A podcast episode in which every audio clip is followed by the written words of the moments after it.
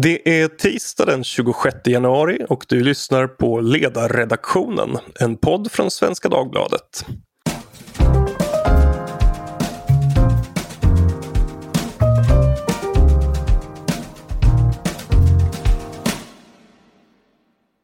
Jag heter Henrik Sundbom och idag ska vi ta ett språng över Östersjön till Estland där det just skett ett ganska dramatiskt regeringsskifte. Reformpartiet och Centerpartiet, båda medlemmar i den liberala partifamiljen ALDE, bildar regering med Kaja Kallas som premiärminister. För att förklara vad som hänt och vad som väntar har jag bjudit in Anders Ljunggren, tidigare ambassadör i Estland med ett förflutet, ska man väl säga, i Centerpartiet. Välkommen Anders! Tack! Eh, och med oss finns också Gunnar Hökmark, eh, tidigare moderat Europaparlamentariker och med en lång partikarriär bakom sig. Och också en gång i tiden en av initiativtagarna till måndagsrörelsen från baltiska staternas självständighet och frihet. Numera ordförande för tankesmedjan Fri Värld. Mm. Välkommen även Gunnar. Tack så mycket. Eh, när det blev klart att Estland får en ny regering skrev den tidigare presidenten Thomas Henrik Ilves på Twitter att den avgående regeringen varit den värsta sedan självständigheten. Och sen fortsatte han så här. I do not take position on the new government. It has not even assumed office, but it lacks racists, xeno and homophobes. There is no one who has exhibited boorish embarrassing behavior, no manifestation of hatred or utter stupidity. So Godspeed. Det är en ganska hård dom eh, och man blir onekligen nyfiken på vad som har hänt och som föranleder den här typen av, av kommentarer. Och de personer som Ilves syftar på är ju i första hand de båda tidigare ministrarna Mart och Martin Helme från det radikala högerpartiet Ekre. Eh, som ju var en del av den gamla regeringen. Eh, samtidigt är inte Ekre ensamt skyldigt till att den förra regeringen föll. Eh, så vad är det egentligen som har hänt och varför har eh, Estland fått ett regeringsskifte just nu. Eh, Anders, har du lust att, att försöka förklara den här händelseutvecklingen den senaste tiden för våra lyssnare? Ja, det var en eh, för många förvånande händelse när den här regeringen bildades för ett par år sedan. Eh, det var inte många som hade förutsett eh, och då tolkades mycket som att den då sittande statsministern Jüri Ratas eh, hade ambitioner att fortsätta i den rollen. Det kunde han bara göra om han undvek samarbete med Reformpartiet och istället valde den här lösningen med eh, Ekre, det höger eh, eller det nationalkonservativa populistiska partiet skulle jag beteckna det som. Eh, Just det, och, och Ratas är från Centerpartiet? Eller? Ratas är centerpartist, ja. Och ja. Eh, dessutom så ingick då i samma eh, det gamla eh, partiet som spelade huvudrollen i estnisk politik under inledning av självständighetstiden men som har blivit marginaliserat och dessutom splittrat och blivit mera eh, nationalkonservativt än eh, kons eh, liberalkonservativt. Eh, eh, det är stort, stora problemet. Så att, att det, det har varit en varaktig söndring i den här regeringen. Så den, den direkta orsaken till att regeringen föll, det var eh, eh, en, att den korruption som har varit ett varaktigt problem i Tallinn, eh, eh, att den av, har blivit avslöjad och att eh, det ledde till att Jüri Ratas hamnade i en i en omöjlig situation. Han blev partiordförande och statsminister just eh, att han skulle röja upp i den långvariga korruption som, som Centerpartiet har varit indraget i, i framförallt i Tallinn. Så att det var den direkta orsaken. Men det sammanhänger också med en lång konflikt, inte minst om frågan om äktenskap, eh, ställning och frågan om möjligheten att, att juridiskt ge skydd för samkönade par. Eh, så att det, detta är ett eh, stort problem eh, som vi nu har sett lösningen på. Många hälsar väl välkommet att Ecke försvinner ut ur, ur regeringssammanhang även om inte jag tror att de kommer att försvinna i första laget som en politisk faktor i Estland. Just det, och det kommer vi nog återkomma till nu. Men den, den omedelbara korruptionshärvan här, det var en, en skandal, eller hur? Ja, det är en person, den, den som har mutat uppenbarligen, i varje fall misstanke om mutat, det är en, en, en, person som har varit indragen i liknande korruptionsärenden tidigare. Och eh, Centerpartiet eh, har har upprepade gånger varit inblandade, inte minst under den förutvarande Edgar Savisaar. Och uppenbarligen har man inte rensat upp eh, och det var det som gjorde men även Ecke är inblandad i det här, alltså en, en av finansministerns eh, medarbetare, närstående, eh, är också indragen i mutan. Så det drabbar båda de här partierna. Just det, och finansministern det är då Eh, Martin Helm, sonen i, för de, de, är ju far och son då som är eh, frontfigurerna i det här partiet. Eh, Gunnar, delar du den här bilden av, av eh, långvariga korruptionsproblem och splittringar mellan två eh, politiska parter eller tre politiska parter som i grund och botten står väldigt långt ifrån varandra? Ja, det, det, det, tycker jag. Jag tycker Anders gav en bra beskrivning.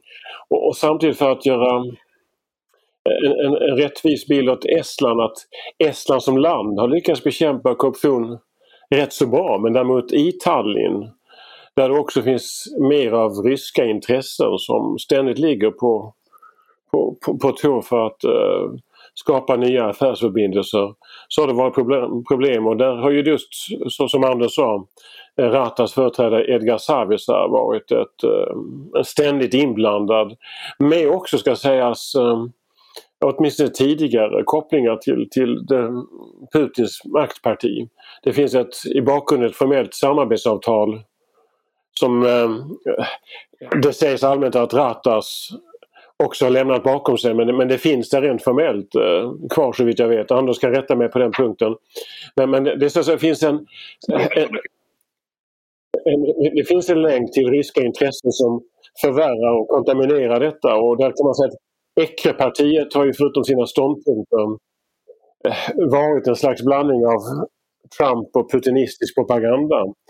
Så att eh, det är en befrielse att de är borta men, men det innebär inte att problemen är lösta därför att um, um, Centerpartiet har sina problem när det gäller um, olika förhållanden medan Reformpartiet är ett modernare parti och Eh, kanske snarare då har en brist på erfarenhet men, men eh, det står för en förnyelse som, som, som, som jag tror är, är viktig och bra. Mm. Um, det är ju ganska komplicerade förhållanden tänker jag när man hör er prata om den, den estniska politiken. Och jag tror att det kan vara bra om vi stannar kvar lite vid de här olika eh, parterna och partierna eh, för att försöka göra det här lite tydligare. Eh, det är ju intressant tycker jag när man pratar om ett land som Estland eh, som ju har en, en eh, historia som en del av Sovjet en gång i tiden att eh, eh, det ofta saknas en tydlig höger-vänster-konflikt. Eh, den, alltså den definierande skillnaden blir inte mellan eh, socialism och liberalism, konservatism, utan det, det, blir andra politiska relationer. Och också andra politiska konstellationer. Eh, och jag tycker att det är intressant nu när, vi, när, när jag hör er prata att säga, Centerpartiet eh, kan nu samarbeta med det liberalare reformpartiet. Och för ett par veckor sedan så kunde man samarbeta med de konservativa partierna. Um, Får jag gärna säga det att när det gäller, jag, jag tror inte man ska klumpa ihop i samma med Ecre. Det är helt Nej. skilda karaktärer. Och, eh, Absolut. I samma, som Anders sa, spelar en fundamental roll både under frigörelseprocessen men också därefter. Är ett, eh, jag tror Anders har någorlunda rätt att det har blivit ett mer nationellt parti men man kan också säga mer traditionellt därför att traditionella värden spelar en roll som en markör för att stå emot Ryssland. Så, att, så det måste sättas in i en väldigt viktig faktor för det du beskriver är hur man förhåller sig till Ryssland men också till den ryska befolkningen. Just det. Eh, vilket väl eh, som jag förstår det för oss tillbaka till, till eh, Centerpartiet som ofta haft en ganska stark väljarbas just i den, den rysktalande eh, minoriteten. Men ett, så ett, ett centerparti det kan ju innebära nästan vad som helst om man tittar på olika länder. Eh, det estniska centerpartiet, hur skulle ni beskriva det? Eh, dess plats i det politiska landskapet och partiet i termer av ideologi, kärnfrågor och väljargrupper? Jag skulle börja med att säga att det är ett eh, maktparti. Eh, både Centerpartiet och Reformpartiet kan man säga är sprungna ur eh, människor som var aktiva i kommunistpartiet och som eh, bidrog till att frigöra eh, Estlands kommunistparti från det Moskvastyrda Sovjetunionens kommunistparti och som sen också medverkade till utbrytningen. Eh, Centerpartiet eh, är mer av ett vänsterparti eh, som har sin viktigaste röstbas egentligen bland de eh, rysktalande grupperna som, eh, där man har under lång tid har, har, haft en majoritet av de rysktalande har röstat på Centerpartiet. Jag kan säga att jag var aktiv i Centerpartiet i slutet på, 80-talet och början på 90-talet. Då hade Centerpartiet här i Sverige i första hand kontakt med ett annat parti som var mer landsbygdsorienterat och som numera ingår i Socialdemokraterna. Eh, därför att man redan då upplevde att, att, eh, att eh, Centerpartiet under Edgar Savisaars ledning inte var en eh, attraktiv samarbetspartner. Eh, sen har, i ALDE har de ju eh, anslutit sig och de har ett mer utvecklat samarbete skulle jag säga med, med eh, Finlands centerparti än med Sveriges. Eh, att det, det, det, är väldigt stora skillnader på Centerpartiet i Sverige och, och i, i Estland. Eh, I första hand skulle jag säga att det är ett maktparti. Och tyvärr har, har det också under lång tid haft stora inslag av, av korruption. Eh, framförallt i Tallinn där de har varit den dominerande politiska kraften egentligen hela tiden. Ja, jag tror man kan säga att det är ett maktparti och eh, när vi säger Centerparti så blir det lätt ordens makt över tanken här. Eh, eh, jag tycker inte man ska jämföra det med det svenska Centerpartiet. Man, man heter det av helt andra skäl och en annan tradition.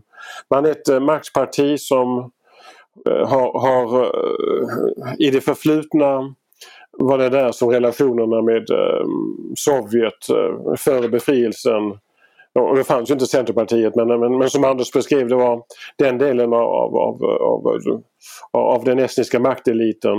Och, och sedan så har man sökt in i den liberala partigruppen i Europaparlamentet men man blir ju faktiskt nekad de första gångerna att få komma med. Eh, och, och, sen så tror jag lite grann just på grund av namnet och positioneringen så har man eh, ändå kommit med men de skiljer sig väldigt mycket från Reformpartiet som, som eh, ett mer ett, ett liberalt center-right parti som skulle kunna sägas täcka in lite grann av vad Moderaterna är, lite grann av vad Liberalerna är och lite grann av vad Centerpartiet är. Så att det, man får akta sig för att låta namnen kategorisera politiken allt för mycket här. Mm. Eh, vi ska strax eh, hugga tag tydligare i Reformpartiet. Men eh, du nämnde ju tidigare Gunnar det här samarbetsavtalet med mm. enade Ryssland då, som Centerpartiet mm. har. Eh, även om man nu då är ganska måna om att, att eh, berätta om att det här har varit passivt sedan cirka tio år. Och jag såg nu idag att, att man får en ny utrikesminister eh, som tidigare har varit diplomat i Tjeckien tror jag. Mm. Eh, och som väl inte är partiaktiv men ändå kommer på Centerpartiets mandat. Och jag uppfattade det som att hon ganska tydligt ville distansera sig från det här samarbetsavtalet och tyckte att det här är någonting som, som man måste ompröva. Um, men hur, hur bedömer ni det här? Uh, menar, i, I vilket annat land som helst så skulle man ju liksom Eh, klassa ett sånt parti som någon form av trojansk häst. Eh, ja. Men är det, är det annorlunda med Centerpartiet i Estland? Det, det kan väl sägas vara lite grann. Man kan väl säga så här att det finns ju enskilda ledamöter i Centerpartiet i Estland som har haft betydligt närmare och, och um, farliga kontakter med, med, med um, ryska enhetspartiet. Um, sen har mellan partierna har avtalet varit vilande och, och det har inte hävdats egentligen av andra heller att det har varit aktivt men dock ska man inte glömma att Centerpartiet vill ju heller inte lämna detta avtal. Man vill inte säga upp det. Och det är ju för att man ser det lite grann som en flört med de rysk talande och de ryska intressena i Estland. Så att det är en black om foten för, för Centerpartiet. Och jag, jag tror att um, på olika sätt så är det här också någonting som, som komprometterar och som leder till de kontakter som också blommar ut i korruption. Så att de här sakerna hänger samman mycket mer än vad vi riktigt kan se framför oss när vi tittar på den svenska partipolitiken. Jag skulle säga att det, det, är helt klart att det här avtalet är en black om foten. Även om i, i Finland finns det ju flera partier som har haft vilande samarbetsavtal av samma slag. Alltså det, de här som Gunnar säger, enskilda centerpartister med närmare kontakt, till exempel Jana Torm som alltså sitter, och sitter väl fortfarande i Europaparlamentet, eh, som är en direkt medlöpare till Putin kan man säga och Krim. Det är mm, väsentligt värre men det är klart att det skulle vara önskvärt att man, att man eh, officiellt eh, och rejält markerade att det här samarbetet är avslutat. Jag, jag, på den punkten är jag kanske lite hoppfull. Alltså det, så, det som inte fick så mycket uppmärksamhet i Sverige det är ju att i Narva där gjorde ju befolkningen närmast en revolt. Och där har det tidigare Centerpartiet, som också där har varit djupt korrumperat, eh, nu förlorat makten. Och istället har en tidigare svensk honorärkonsul, eh, Christer Eik, eh, blivit borgmästare. Eh, just som en reaktion mot, mot korruptionen. Och så att jag tror att det finns nog goda skäl att tro att Centerpartiet också kommer att förlora makten i Tallinn. Eh, det, det kanske finns en del av önsketänkande i det men, men eh, det finns en revolt mot det här också i den ryskspråkiga befolkningen. Det, skiljelinjen i politiken i Estland går inte mellan rysktalande och estnisktalande. Eh, jag skulle säga att den går till eh, människor som, som är anhängare av den liberala demokratin å ena sidan och de som mera företräder en auktoritär eh, eh, välde eh, å andra sidan. Och, och de här auktoritära strömningarna de finns i båda grupperna. Eh, troligen är de större i den ryskspråkiga än i den estniskspråkiga men de finns i båda grupperna. Och var, ehm, eh, vad lägger de sina röster på när det närmar sig valdag? De, ja. de auktoritära? De auktoritära, det är å ena sidan eh, Ecce eh, och å andra sidan eh, eh Centerpartiet om det är eh, i den ryskspråkiga gruppen. Även viss estnisk grupp kan man väl säga. Men um, Savisa och den traditionen som han hade kring sig. Men, men, men jag tror en, en um, sak som nu kan sägas för att se det som nu sker i Estland i, i, framöver också. Jag tror att Navalnys kamp mot korruptionen i, i Ryssland jag, jag, ser framför mig och det kan möjligtvis vara på samma sätt som Anders sa innan önsketänkande. Men jag tror att det är eh, lite grann en del av det som leder till förändringen i Narva till exempel. Så, så att det finns en, en, en, så att säga, en, om jag ska uttrycka det, en rysk eh, kampanj mot korruption som, som utgår från Ryssland men, men som jag säkerligen också präglar maktstyret i andra delar av, av, av um, grannskapet vad gäller Rysslands del. Just det. Det spiller över och det är ju hoppfullt faktiskt när man eh, talar om det på det viset. Eh, om vi går vidare till Reformpartiet då som, som eh, upplevs kanske som ett modernare parti på många sätt än, än Centerpartiet. Var, eh, var har ett sådant parti sitt ursprung och vilka delar av befolkningen tilltalas av deras agenda? Alltså även Reformpartiet har faktiskt i huvudsak sin, sin historia ursprung i det gamla estniska kommunistpartiet. Alltså två av de mest framträdande, kanske de två mest framträdande i Reformpartiet sedan självständighet, återupprättandet av självständigheten ska jag säga.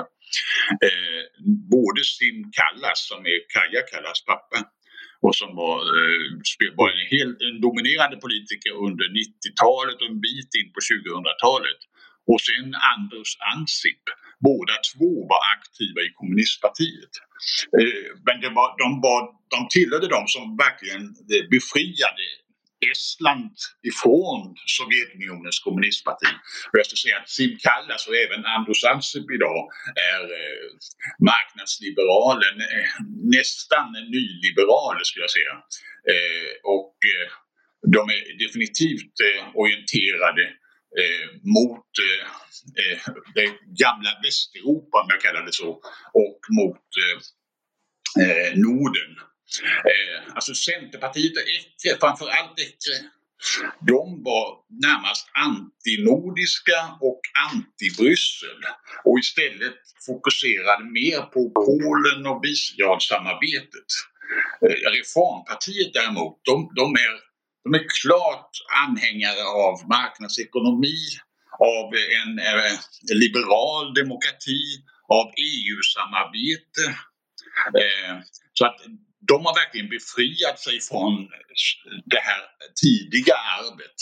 Eh, jag, betraktar dem som, som kanske det parti i Estland som, som eh, eh ligger närmast eh, de traditionella demokratiska partierna i västra Europa. Det ligger mycket i det. Både Kallas alltså och Ansip har också varit EU-kommissionär och um, Ansip, eh, jag har träffat dem bägge och Ansip känner jag relativt väl. Och han var med i kommunistpartiet men han var nog mer med i partiet än att han var kommunist. Och, och uh, i, i det Estland som då föddes var ju många det. Men, men detta förklarar en annan motsättning som också finns i estnisk politik och det är de som inte var med i kommunistpartiet och de som inte var medlöpare i det sovjetiska systemet utan de som var dissidenter av olika slag. De finner vi framförallt i partiet Isama som eh, var de som stod allra längst fram eh, när, det gäller att eh, ha ett nytt samhällssystem och som också kommer leda Estlands stora reformering efter, efter 91. Och det är klart att där, där finns en bitterhet men också en misstroende mot reformpartiet som sitter i sedan gammalt. Och, och, och det underlättas inte av att det är en generationsväxling som präglar eh, reformpartiet där, som, som, som Anders sa, Kaja Kallas är, är dotter till Sim Kallas. Eh, så att det, det är en annan, du, du nämnde tidigare eh, Henrik, det finns många dimensioner men det här är en annan dimension, det vill säga vilka var för och vilka var emot. Va? Och, eh, och det är precis som Anders säger att eh, eh, Ansip och, och Kallas var, var, gick i täten för befrielsen men, men det var så att säga inom ramen för det gamla systemet. Jag får tillägga en sak eh, när det gäller Isama. Eh, det, det, jag tycker att det är tragiskt att de har eh, blivit marginaliserade och eh, också splittrade. Alltså det är, ja, med en starkare ställning för Isama så hade det funnits ett alternativ med reformpartiet Isama och Socialdemokraterna. Alltså, Socialdemokraterna är mer ett liberalt parti än ett socialistiskt parti. Och det hade varit ett ännu tydligare vägval än, än den nuvarande regeringen. Det här kanske är det bästa möjliga. Eh, så att, dilemmat här för, för de etablerade partierna, inte bara för Isama utan också för de andra, det är att hur ska man nå de grupper som röstar på Ecce och övertyga dem så att säga om ett, anti, ett liberalt eh, anti-auktoritärt inslag. Det, det kommer vara ett huvudargument. Eh, det finns en mycket intressant artikel av chefen för Utrikespolitiska institutet, eh, Krista Reich, som jag rekommenderar. Den finns på nätet. Jag, i till exempel, jag sprider den på Facebook, min Facebook-sida, men den finns på nätet. Den, den, den säger just detta. De etablerade partierna måste eh, nå ut till den här väljargruppen och övertyga om demokratin eh, och den fria ekonomin. Eh, och, och, annars, annars riskerar vi en situation där, där uppemot 20 procent varaktigt kommer att stödja de här auktoritära tendenserna. Eh, så mm. det är en, det är, Estlands eh, demokratiska framtid är inte tryggad. Det är inte något lands. Men, eh, så att eh, här finns uppgifter att göra. Men det är ju, det är ju intressant då hur, eh, hur Isama som ju är eh, Martlars gamla parti och, och som ni säger verkligen var ett viktigt parti för frigörelsen. Och också Socialdemokraterna kämpar med att behålla sin plats eh, och har ganska tufft med väljarsiffrorna.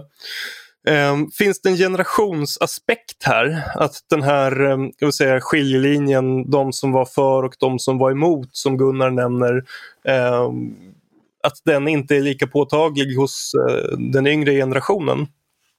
Det tror jag helt klart att det är.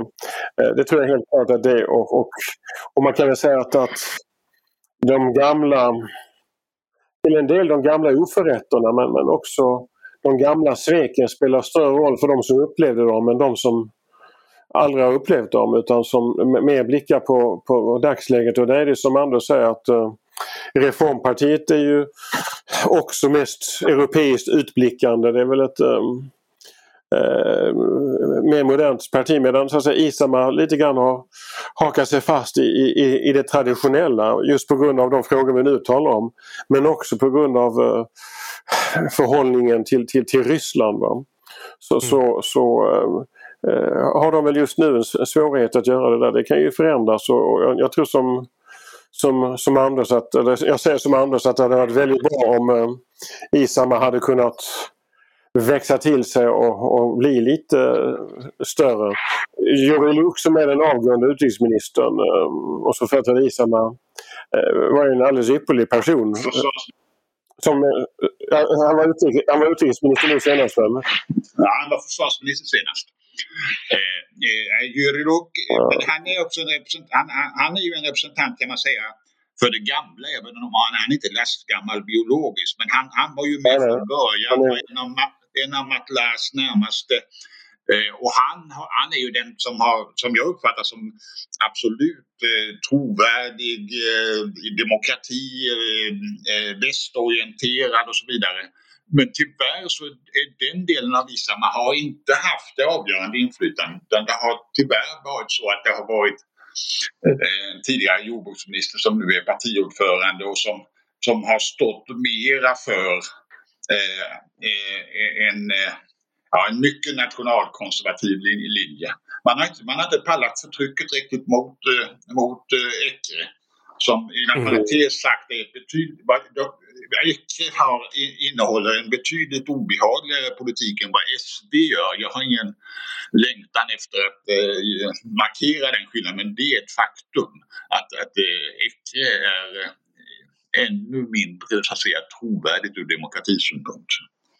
Just det, och nu, nu har jag berört Ekre ganska mycket men, men inte pratat direkt på så mycket om det här partiet. Och det är ju som du säger Anders att när Estland väl fick sitt högerpopulistiska parti så fick man ett, ett uh, påfallande radikalt sådant. Och när, när man liksom ska försöka placera in Ecre i en internationell eh, familj eller kontext, ja då är det ju faktiskt inte med SD som de hittar sina band utan de beskriver sig som systerparti till Alternativ för Sverige. Och eh, har ju haft kontakter en hel del med den amerikanska alternativhögern och, och verkligen befinner sig långt, långt ut i de högerpopulistiska ödemarkerna.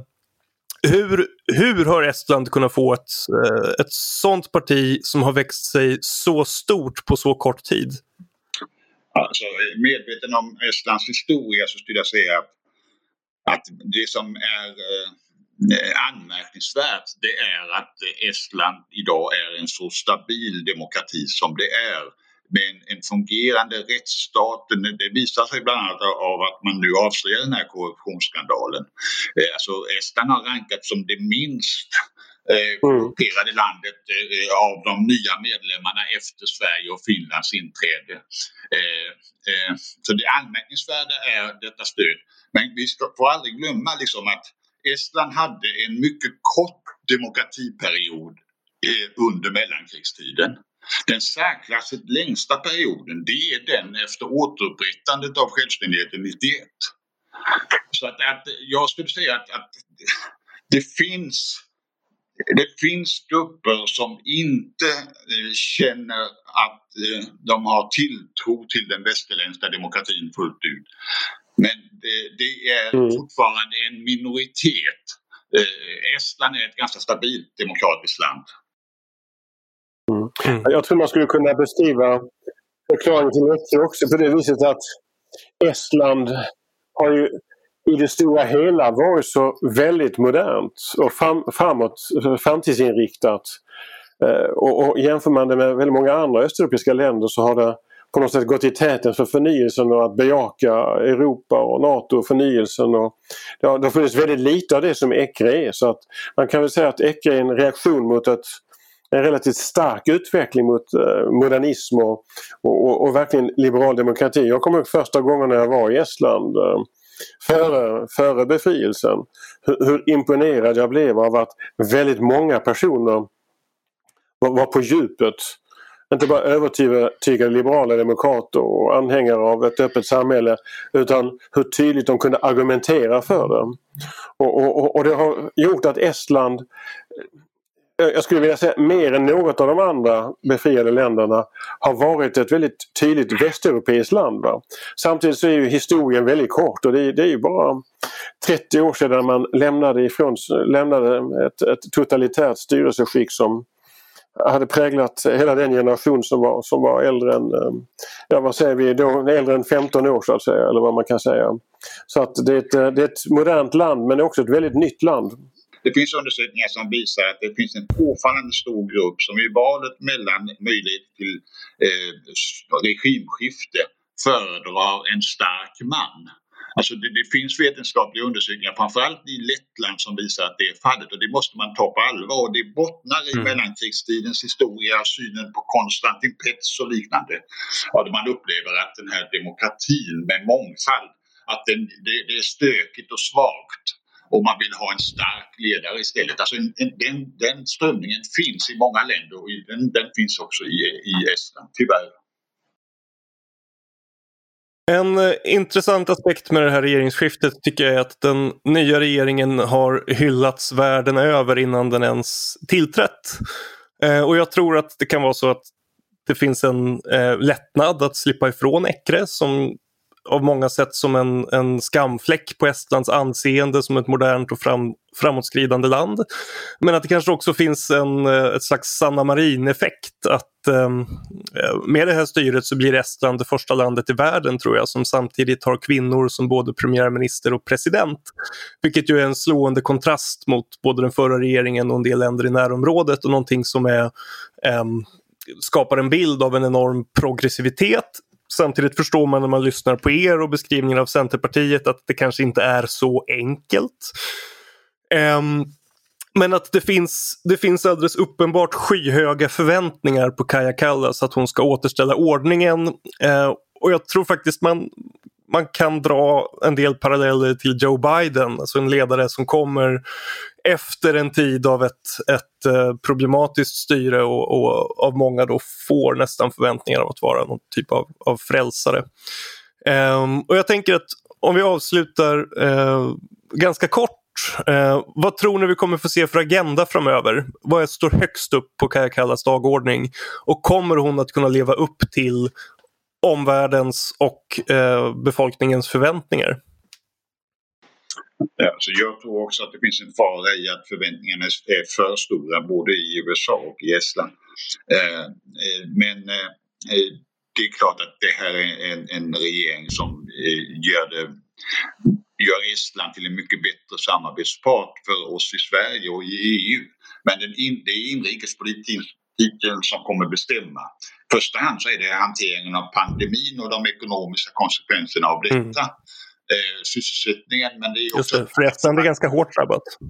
Estland är för närvarande ganska hårt drabbad. Eh, och eh, eh Kaja Kallas måste visa att eh, hon kan ge Estland ett stabilt styre. Eh, och det är inte självklart. Det finns några eh, personer med erfarenhet men det är ganska många eh, i den här regeringen som, som egentligen saknar parlamentarisk erfarenhet och som saknar regeringserfarenhet. Och eh, det, det gör att jag tror att vi ska räkna med att det blir ganska skakigt. Skruva ner förhoppningarna. Vad säger du Gunnar? Jag tror man kan säga att Ecre gav ju Estland ett dåligt rykte eh, och, och, skapade en agenda i Estland som, som, som var skadlig för landet. Men väldigt mycket av politiken, Rata, eh, skötte politiken vid sidan av allt är eh, relativt stabilt och, och inte minst med, med, med, med Men, men, men, men, nu slipper man det dåliga ryktet och, och de dåliga influenserna men däremot det innebär inte att, att politiken blir bra. Och, um, det är pandemin, det är behovet av att skapa nya förutsättningar för tillväxten, det är behovet av att hålla en effektiv Rysslandspolitik. Och, och med, med Rysslandspolitik i Estlands fall, liksom för de andra baltiska länderna, så handlar det inte bara om säkerhetspolitik utan eh, att, att eh, stärka det egna samhällets integritet mot ryska påtryckningar. Och, och, och, där tror jag att uh, utmaningarna är väldigt stora och uh, där är jag rädd för att, att Centerpartiets återuppståndelse i en ny regering Regeringen föll på grund av Centerpartiets korruption och Centerpartiet är nu med som en, en, en, en avgörande 50-50 partner i, i den nya regeringen. Det, det, det, är i sig inte bra. Va? Och, eh, sen är det som Anders påpekar att eh, det är väldigt mycket eh, mycket oerfarenhet och eh, eh, man ska aldrig utesluta att det kan vara en fördel men, men i, i den akuta situation som man just nu har med pandemi och mycket annat så kan det vara en black om foten även det. Mm. Um, ja, samma budskap en gång till då. Vi skruvar ner förväntningarna. Och uh, med det säger vi tack till Anders Ljunggren och Gunnar Hökmark. Stort tack för att ni ville vara med idag. Tack. Tack så mycket. Eh, du har lyssnat på Ledarredaktionen, en podd från Svenska Dagbladet. Jag heter Henrik Sundbom och producent för den här podden är Jesper Sandström. Om du har synpunkter, förslag eller frågor går det bra att mejla dem till ledarsidan svd.se. Stort tack för att du var med oss och lyssnade idag.